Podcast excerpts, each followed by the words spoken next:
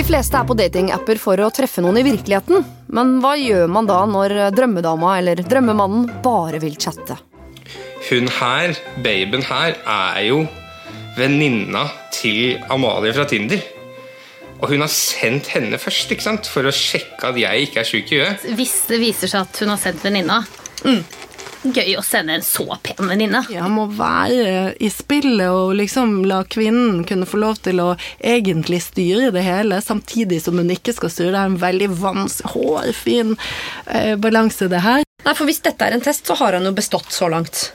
Det som gjør meg litt mistenksom til at dette handler om noe litt annet for henne, er den meldingen som kommer halv fem på morgenen, ja. hvor hun liksom vil møtes. Ja. Eh, jeg syns ikke den virker helt uh, troverdig. Jeg tenker at uh, hvem er det som er våken halv fem om morgenen?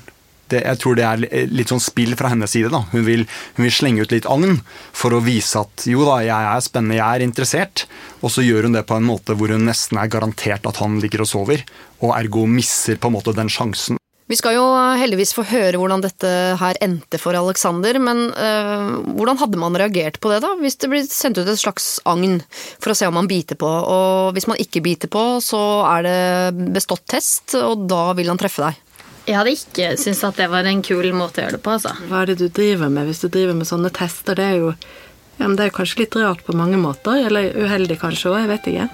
Podkasten er for VG abonnenter, og du finner den i podkastfanen i VG-appen eller på vg.no datinghelvete.